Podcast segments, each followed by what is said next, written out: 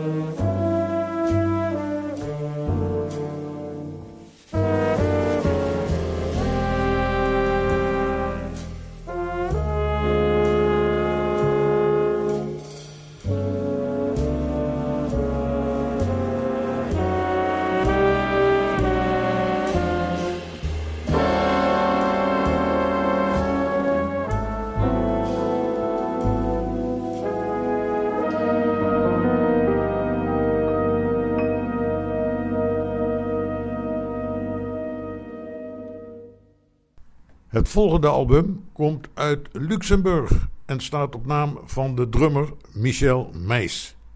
Kaboom is de titel van het album. De muziek is verrassend en bijzonder. Dat laatste door de bezetting met trombone en viool. De komende twee nummers illustreren dat. Eerst Full Pedal Jacket, gevolgd door State of Uncertainty.